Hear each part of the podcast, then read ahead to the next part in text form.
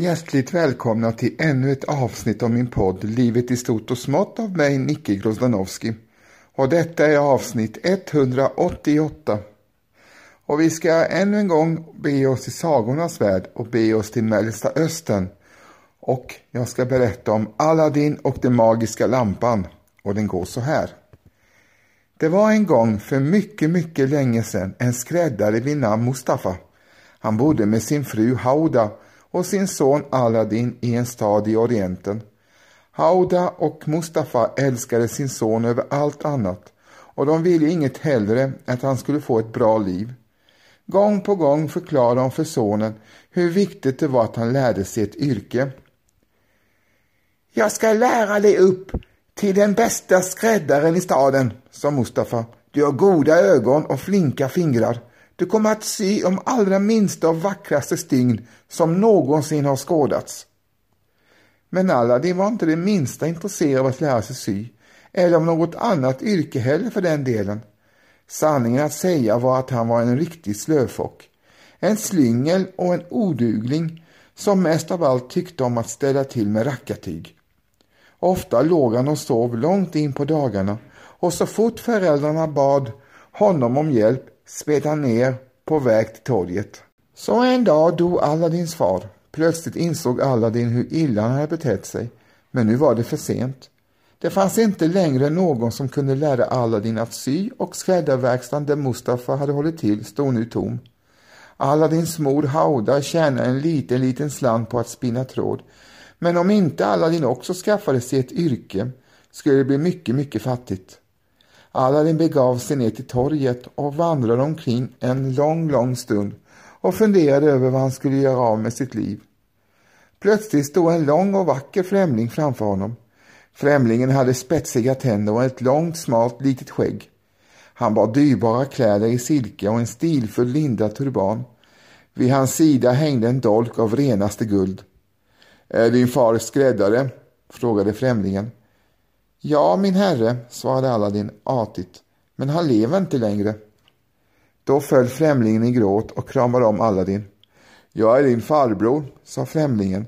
Jag flyttade till fjärran land långt innan du föddes, men nu är jag hemma igen. Sedan tog främlingen upp en påse med pengar och gav den till Aladdin. Ge den här guldmynten till din mor och säg mig var du bor så ska jag komma och besöka er ikväll, sa han.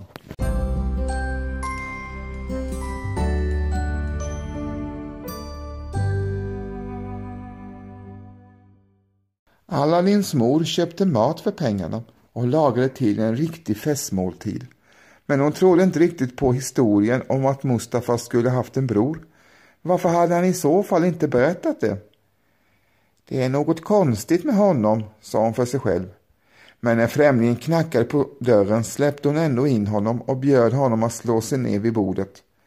Främlingen berättade återigen sin historia om hur han rest till fjärran länder men plötsligt en dag vaknat med en brinnande längtan att återse sin bror.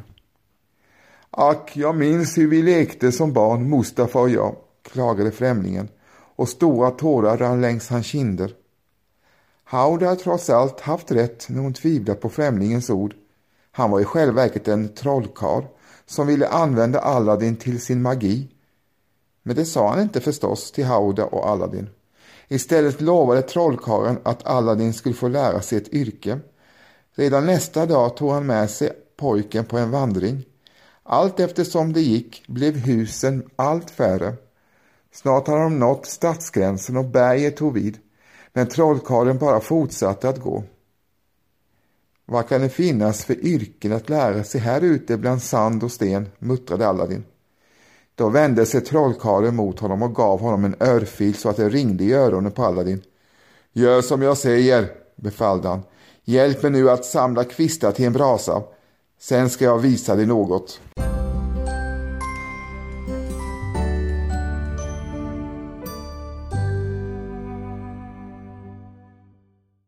Aladdin gick djupare och djupare ner under jorden. Precis som trollkarlen hade sagt fanns där guld, pärlor och makalösa ädelstenar som låg i stora högar längs med väggarna. Det skimrade och gnistrade i himlens alla färger. Aladdin kunde inte låta bli att begrava fingrarna i pärlor och guld Han stoppade också fickorna fulla med de mest praktfulla juveler. Plötsligt såg han att en enkel järnring hade fastnat på hans pekfinger. Vad är det här för en ful ring? sa Aladdin för sig själv. Men i samma stund som han skulle ta av sig den hörde han trollkarlen ropa från avsatsen vid ingången. Vad håller du hus? Kommer du aldrig med min lampa?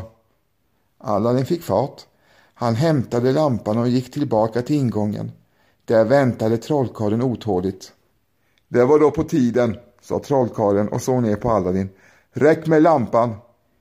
Hjälp mig upp först, sa Aladdin. Du får din lampa när jag är uppe. Men det ville inte trollkarlen gå med på. Han envisades med att Aladdin skulle ge honom lampan först. Men Aladdin anade att någonting var lut och vägrade. Trollkarlen blev argare och argare. Han spottade och fräste och stampade i marken och rätt som det var råkade han tappa något av sina magiska ötter och med en smäll slöt sig öppningen till grottan. Nu var Aladdin fångad nere i hålan och ingen visste att han var där. Trollkarlen kunde inte öppna porten igen utan hjälp av någon annan. Han skar tänder av ilska över att hans plan gått om intet och snart gav han sig av. Aladdin började gråta. Vad hade han nu för glädje av allt guld och alla ädla stenar? Facklan hade snart brunnit ut och Aladdin blev sittande i mörkret i grottan. Tre hela dygn tillbringade Aladdin där nere i mörkret. Han försökte gräva sig ut, men han somnade och vaknade. Men inget var förändrat. Till slut gned han sina händer i förtvivlan och då råkade han komma åt ringen. I samma ögonblick uppenbarade sig en ande framför honom. Anden såg på honom med glödande ögon. Vad önskar min herre?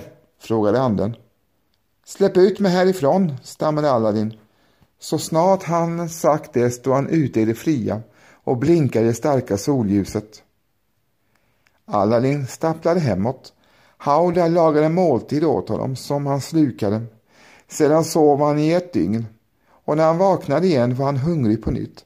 Men nu var maten slut och ädelstenarna från grottan var alldeles för praktfulla för att kunna säljas på torget. Jag fick med mig med en gammal oljelampa också, sa Aladdin. Den kanske vi kan sälja. Låt mig bara putsa den först. Aladdin tog lampan och började gnida den med en trasa och i samma stund uppenbarar sig en ny ande. Jag är anden i lampan, dundrar den. Säg mig min herre vad som önskas. Aladdin började bli van vid plötsliga uppenbarelser, så han fann sig snabbt och svarade Ge oss mat. Ska ske, svarade anden och i samma ögonblick stod den underbaraste festmåltid uppdukad på bordet.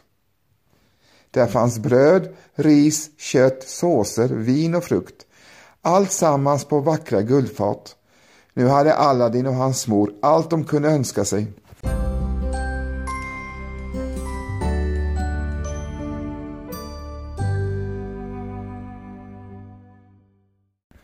En dag när Aladdin var i staden kom sultanens vakter och beordrade alla om att de måste hålla sig inomhus. Prinsessan Jasmine, dotter till sultanen, skulle nämligen besöka marknaden. Aladdin blev nyfiken och gömde sig bakom en trave tyger. I smyg betraktade han prinsessan. Hon var den mest fantastiska, unga, vackra kvinnan någonsin sett. Han sprang hem till sin mor och redan i hallen ropade han jag ska gifta mig med prinsessan Jasmin. Du måste hjälpa mig. Åh, Gud bevare oss, suckade Hauda skräckslaget. Det här kommer aldrig att gå väl. Aladdin plockade fram ädelstenar han fått med sig från grottan och lade dem på ett av de guldfat som anden serverat dem mat i. Sedan fick Hauda gå till slottet och be att få träffa sultanen. Efter en lång väntan blev hon insläppt. Hon knäföll och sträckte fram fatet. Eh, dessa ädla stenar är en gåva från min son Aladdin. Han ber att få gifta sig med sultanens dotter, sa hon med darrande röst. Sultanen blev mycket förvånad och vände sig till sin rådgivare storvisiren. Ja, vad tror du? frågade han. Borde jag inte låta min dotter gifta sig med en man som tycker att hon är värd så fina stenar? Storvesiren snöpte bara på munnen. Han hade tänkt att hans egen son skulle gifta sig med sultanens dotter, så han var inte glad över Aladdins frieri. Be Aladdin om 40 män som alla bär på lika stora fat med ädelstenar. Det kommer han aldrig att kunna ge dig.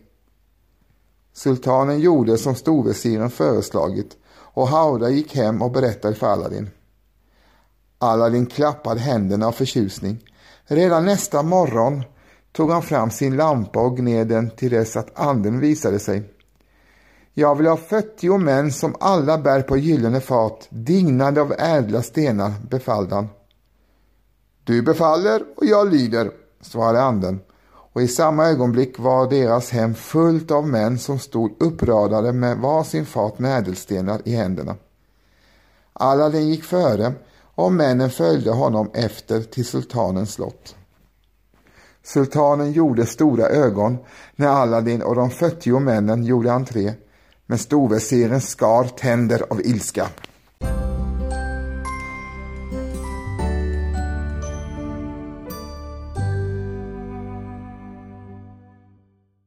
Bara några dagar senare stod bröllopet mellan Aladdin och prinsessan Jasmine. Samma kväll flyttade de nygifta in i ett slott som Aladdin låtit bygga med hjälp av anden, strax bakom sultanens palats. Det var det ståtligaste slott som någonsin skådats. Väggarna var klädda i silver och guld och slottet omgavs av en prunkande trädgård. Här levde de nygifta ett gott liv i flera år. Aladdin var en god man som behandlade alla lika och som skänkte pengar till de fattiga. Han blev mycket omtyckt och hans rykte spred sig ända till Afrika, där den elaka trollkarlen nu befann sig. Ah, det där måste vara Aladdin som tagit sig ut i hålan. Jag ska minsann lura av honom den där lampan, fräste trollkarlen och gav sig genast av till Aladdins land. Det första han gjorde när han kom fram var att köpa en hel låda med nya oljelampor sedan gick han till Aladdins slott. Olyckligtvis var Aladdin ute på jakt just denna dag. Gamla oljelampor byttes ut mot nya, ropade trollkarlen. Kosta inget, bara att byta. Gubben måste vara tokig, sa Jasmin till sin hovdam. Aladdin har ju en gammal lampa på en hylla. Låt oss försöka byta den och se om gubben verkligen gör som han lovar. Jo då, trollkarlen bytte med glädje till sig den gamla oljelampan och så snart han hade den i sin hand gned han fram anden och önskade att hela slottet och alla som bodde där förflyttades till Afrika.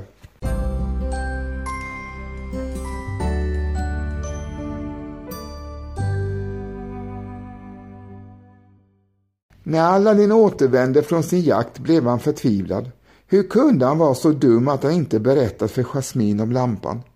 Aladdin klagade högljutt och vred sina händer i ångest. Men då uppenbarade sig ringens ande. Under alla dessa år hade Aladdin aldrig tagit av sig den gamla järnringen och nu kom den anden väl till pass. Är du så snäll och trolla tillbaka mitt slott, bad han. Men anden skakade bara på huvudet. Det som anden i lampan åstadkommit har jag inte makt att ändra på, sa han. Men jag kan föra dig till slottet om du önskar. Och så blev det. Och när Aladdin fann Jasmin i slottet omfamnade han henne och bad henne förlåta honom för att han inte berättat om lampan. Och Jasmin grät och bad om ursäkt för att hon var så urbota dum att hon bytt bort Aladdins lampa.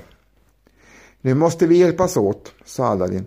Om du skickar bud efter trollkaren och ber att få bjuda honom på middag så fixar jag fram gift under tiden som du kan hälla i hans vin. Samma kväll kom trollkaren på middag. Aladdin hade köpt ett kuvert med dödligt gift hos en apotekare och när trollkaren ställde sig och rökte en pipa tobak på balkongen tömde Jasmin kuvertet i trollkarlens vinglas. Bara några minuter senare drack trollkarlen sitt vin i en enda djup klunk. I nästa ögonblick förvreds hans ansikte i plågor och han föll död ner till marken. Jasmin ropade på Aladdin och tillsammans letade de igenom trollkarlens kläder. En sån tur, han hade oljelampan på sig. Aladdin och Jasmin kallade genast eh, på anden i lampan. Snart var de tillbaka i hemma igen. Sedan levde de båda lyckliga i alla sina dagar och de fick många barn. Hauda bodde också i slottet med sin son och sin svärdotter. Hon tackade sin lyckliga stjärna att hon hade en så god och företagsam son. Snipp, snapp, snut så var den här sagan också slut.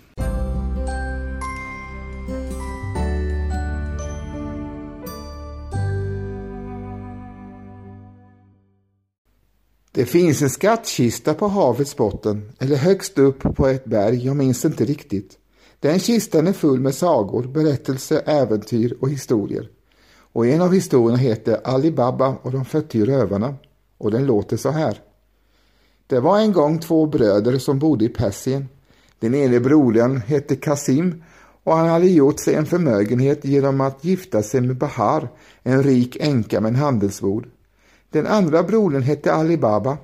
Han var gift med Nadim, en kvinna som var lika fattig som han själv. De var båda tvungna att slita hårt för att kunna ge sina sex barn mat och varje dag begav sig Ali Baba till skogen med sin åsna. Där hämtade han ved som han sedan sålde på torget i staden.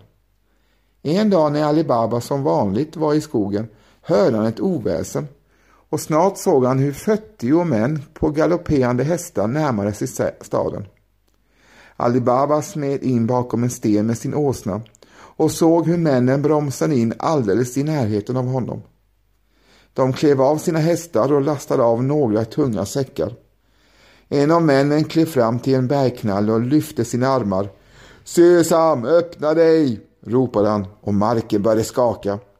Berget öppnade sig och framför de 40 männen låg nu ingången till en grotta. Bär in skatten, befallde han och när de 40 männen gått in i grottan stängdes berget bakom dem igen. Ali Baba kunde inte tro sina ögon. Bäst som han funderade på om han skulle lämna sitt gömställe och bege sig tillbaka till staden öppnade sig berget igen och männen kom ut. Sesam, stäng dig, beordrade ledaren och berget slöt sig. Sedan red de 40 männen därifrån. Det där måste vara rövare, sa Ali Baba till åsnan och nu har de gömt sitt tjuvgods i grottan. Jag måste prova om jag kan öppna berget också. Ali Baba gjorde så som han sett ledaren göra. Han gick fram till berget, höll upp sina armar i luften och ropade Sesam, öppna dig! Och i samma stund öppnades berget och Ali Baba gick in. Där inne låg guld och silver i högar, bland balar med silkestyger, ädelstenar och vackra mattor. Mitt på golvet stod säckar med guld och silvermynt. Hur skulle Ali Baba göra? Han var ju en ärlig man.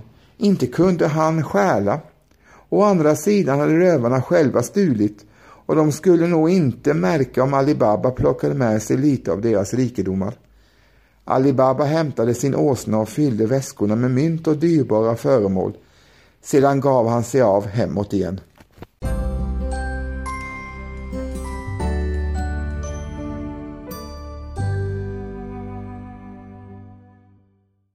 Väl hemma smög han sig in på bakgården till huset och kallade på sin fru.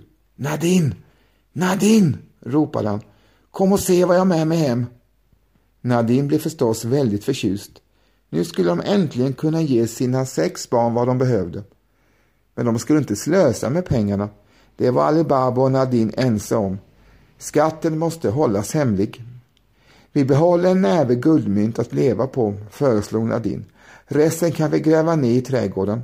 Jag springer bort till Kasim och Bahar och lånar en våg så att vi vet hur mycket guldet är värt. Men när Nadine bad om en våg blev Bahar genast misstänksam. Ali Baba och Nadine hade ju knappt mat för dagen. Vad hade de att eh, väga?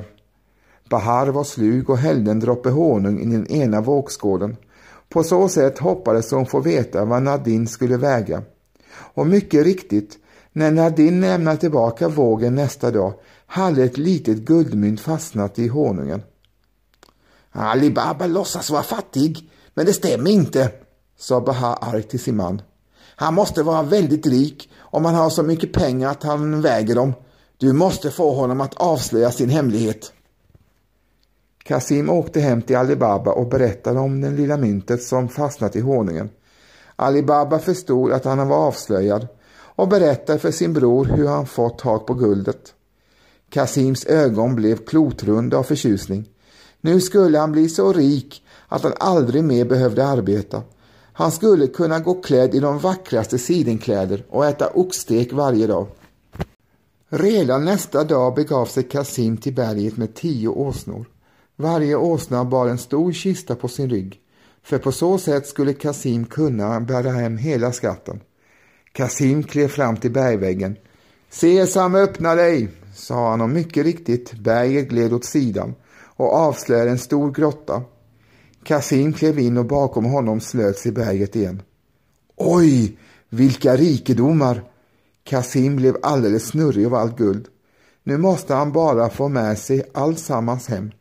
Kasim rusade mot utgången för att hämta åsnorna. Men väl framme vid väggen kom han inte längre ihåg lösenordet. Det var något frö av något slag, men han mindes inte mer. Han försökte. Kon, öppna dig! Men porten förblev stängd. Han försökte igen. Majs, öppna dig! Och när inte heller det gick provade han med både vete och ris, ärtor och bönor. Men berget förblev stängt. Nu bar det sig inte bättre än att rövarna just den här dagen hade bestämt sig för att göra ett besök i grottan. Och när de kom fram till berget såg de alla Kasims åsnor utanför och insåg att något inte stod rätt till. Vem av er har skvallrat om vår hemlighet? frågade ledaren och såg sig om bland sina fyrtio rövare. Ingen av dem förstod hur hemligheten hade kunnat komma ut och de tittade alla stint ned i marken. Ledaren suckade och gick fram till berget. Sesam, öppna dig, sa han. Berget gled åt sidan och innanför stod den förvirrade Kasim. Rövarna dödade honom genast och sedan gömde de liket längst bak i grottan.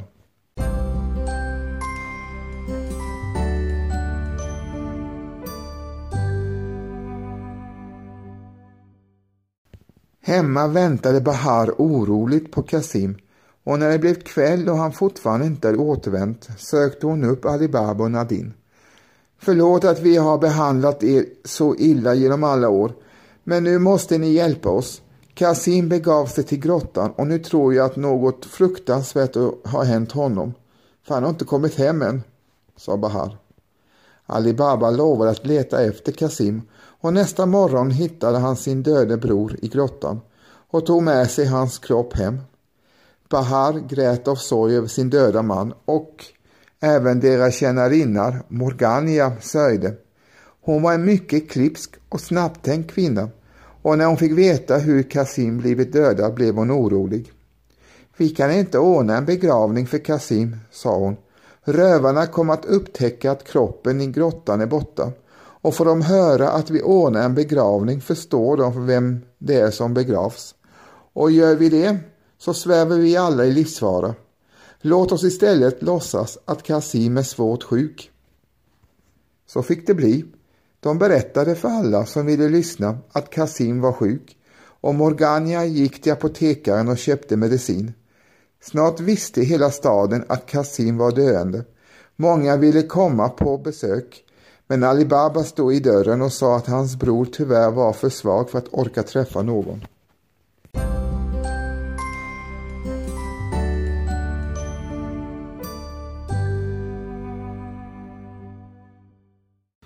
När begravningen var över svor Ali Baba att han aldrig mer skulle återvända till den hemska grottan. Men historien och sagan är inte slut än. De 40 rövarna upptäckte förstås att kroppen försvunnit ur grottan och nu förstod de att det fanns någon annan som kände till deras gömställe. Mannen vi dödade hade en medhjälpare, sa ledaren till sina kamrater. Vi måste hitta honom. En av rövarna begav sig till staden för att ta reda på om någon nyligen hade blivit begravd och det dröjde inte lång tid innan han fick begravningsmannen Mustafa att avslöja att han hade sminkat över skadorna på Kasim före begravningen. Visar du mig vägen till det hus där Kasim bodde så ska du bli rikligt belönad, lovade rövaren. Mustafa tvekade en stund, men när rövaren skramlade med en påse guldmynt kunde han inte stå emot. De båda vandrade genom staden och strax stod de utanför Kasims dörr. Rövaren tog då en krita och ritade ett kors på dörren för att han säkert skulle känna igen huset. Sedan begav han sig tillbaka till grottan där de andra rövarna väntade. Nu skulle han hämta de andra och tillsammans skulle de döda alla som bodde i huset. Men han hade inte räknat med Morgania. Genom en fönsterglugg hade hon sett Mustafa och rövaren utanför huset och hon räknade snabbt ut att krysset på dörren inte bådade gott. Därför tog hon en bit krita och målade kryss på varenda dörr utefter hela gatan. Och när rövarna återvände hade de ingen aning om var Kasim bodde. Ledaren blev rasande. Vad är du för en klåpare, gormade han. Jag ska minsann själv söka upp begravningsmannen och be honom visa mig till rätt hus. Några timmar senare träffades rövarna på nytt vid grottan i skogen.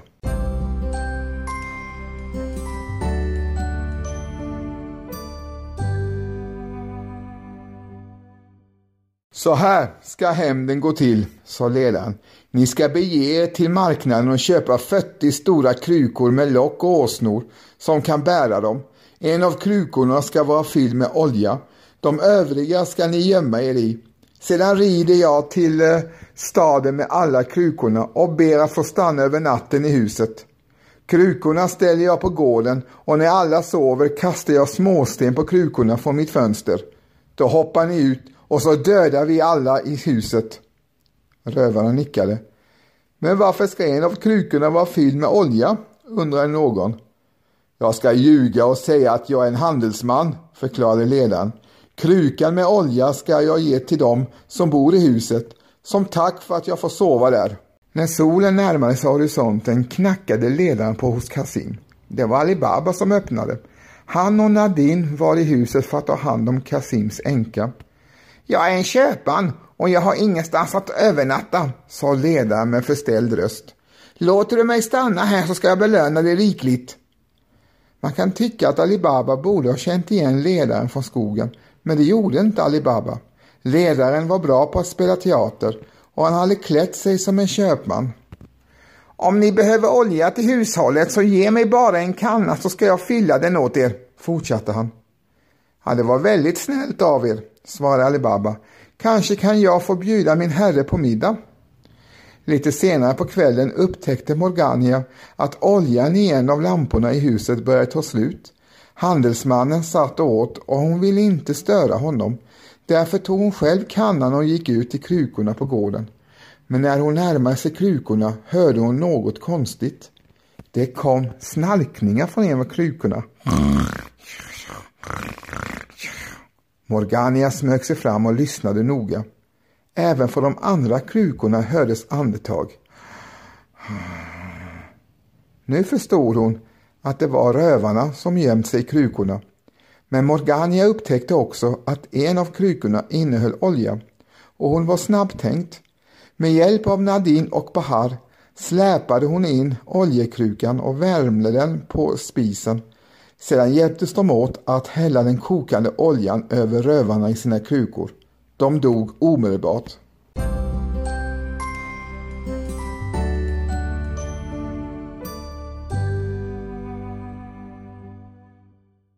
Under tiden hade Alibaba druckit te med sin gäst. De båda satt i bästa samspråk när Morgania plötsligt rusade fram och stack en kniv i ledaren. Alibaba stirrade på henne med fasa. Men vad gör du? utropade han. Du har mördat vår gäst. Nu har du dragit vanor över oss. Inte alls, svarade Morgania. Det var han som planerade att mörda oss. Sedan visade hon de döda rövarna i krukorna på gården. Nu kände Ali Baba äntligen igen ledaren och förstod att Morgania hade räddat livet på dem. Morgania, utropade han, vi är dig evigt tacksam. Några dagar senare återvände Ali Babs och Nadins äldsta son från en resa. När han fick höra om hur rådigt Morgania hade handlat började hans hjärta klappa för henne och det dröjde inte länge innan de båda var ett par. Pengarna i rövargrottan räckte båda till ett ståtligt bröllop och till många lyckliga år därefter. Snipp, snapp, snut så var denna saga slut. Men som tur är finns det fler sagor som vi kan höra på en annan gång.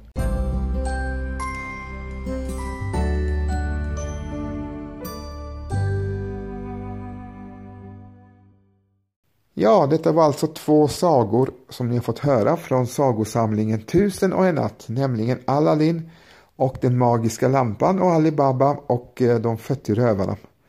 Och eh, sagosamlingen Tusen och en natt har ju sitt ursprung i nuvarande Iran, dåvarande Persien och kan dateras ända bort till 800-talet efter Kristus. Sen kom den till Europa på 1700-talet och översattes först till franska innan den så småningom hamnade uppe hos oss uppe i Norden på 1900-talets början där man började bearbeta sagosamlingen. Och eh, det kommer ju säkert fler sagor ur sagosamlingen i kommande avsnitt av min podd. Min podd utkommer två gånger i veckan, nämligen onsdagar och lördagar med bonusavsnitt då och då, så håll utkik. Och i avsnittets början fick ni höra Carl Michael Bellman och hans fjärilvingar syns på Haga och som avslutning får ni höra Par Deus med gruppen Gotthard. Och med detta så vill jag tacka dig för att du har lyssnat på avsnittet och jag hoppas att ni har uppskattat det. Och hälsa dig hjärtligt välkommen till kommande släppta avsnitt och medan ni väntar på det så kan ni ju lyssna på tidigare släppta avsnitt. Mycket nöje och ha det gott och var rädda om er. Ha det gott. Hej då!